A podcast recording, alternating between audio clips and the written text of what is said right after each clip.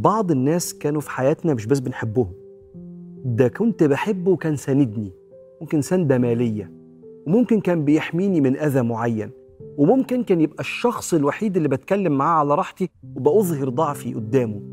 فلما الشخص ده بيموت مفيش بديل ليه. فبأشعر بخسارة كبيرة بيسموها الخسارة العميقة المضاعفة. خسارة الشخص وخسارة السند اللي أنا محتاج له اللي كان بيجي من ورا الشخص. وهنا البني آدم بيحتاج إنه يستدعي دائما إن كل خير كان بيجي لك من خلق الله مهما كانوا قريبين أصله من عند ربنا.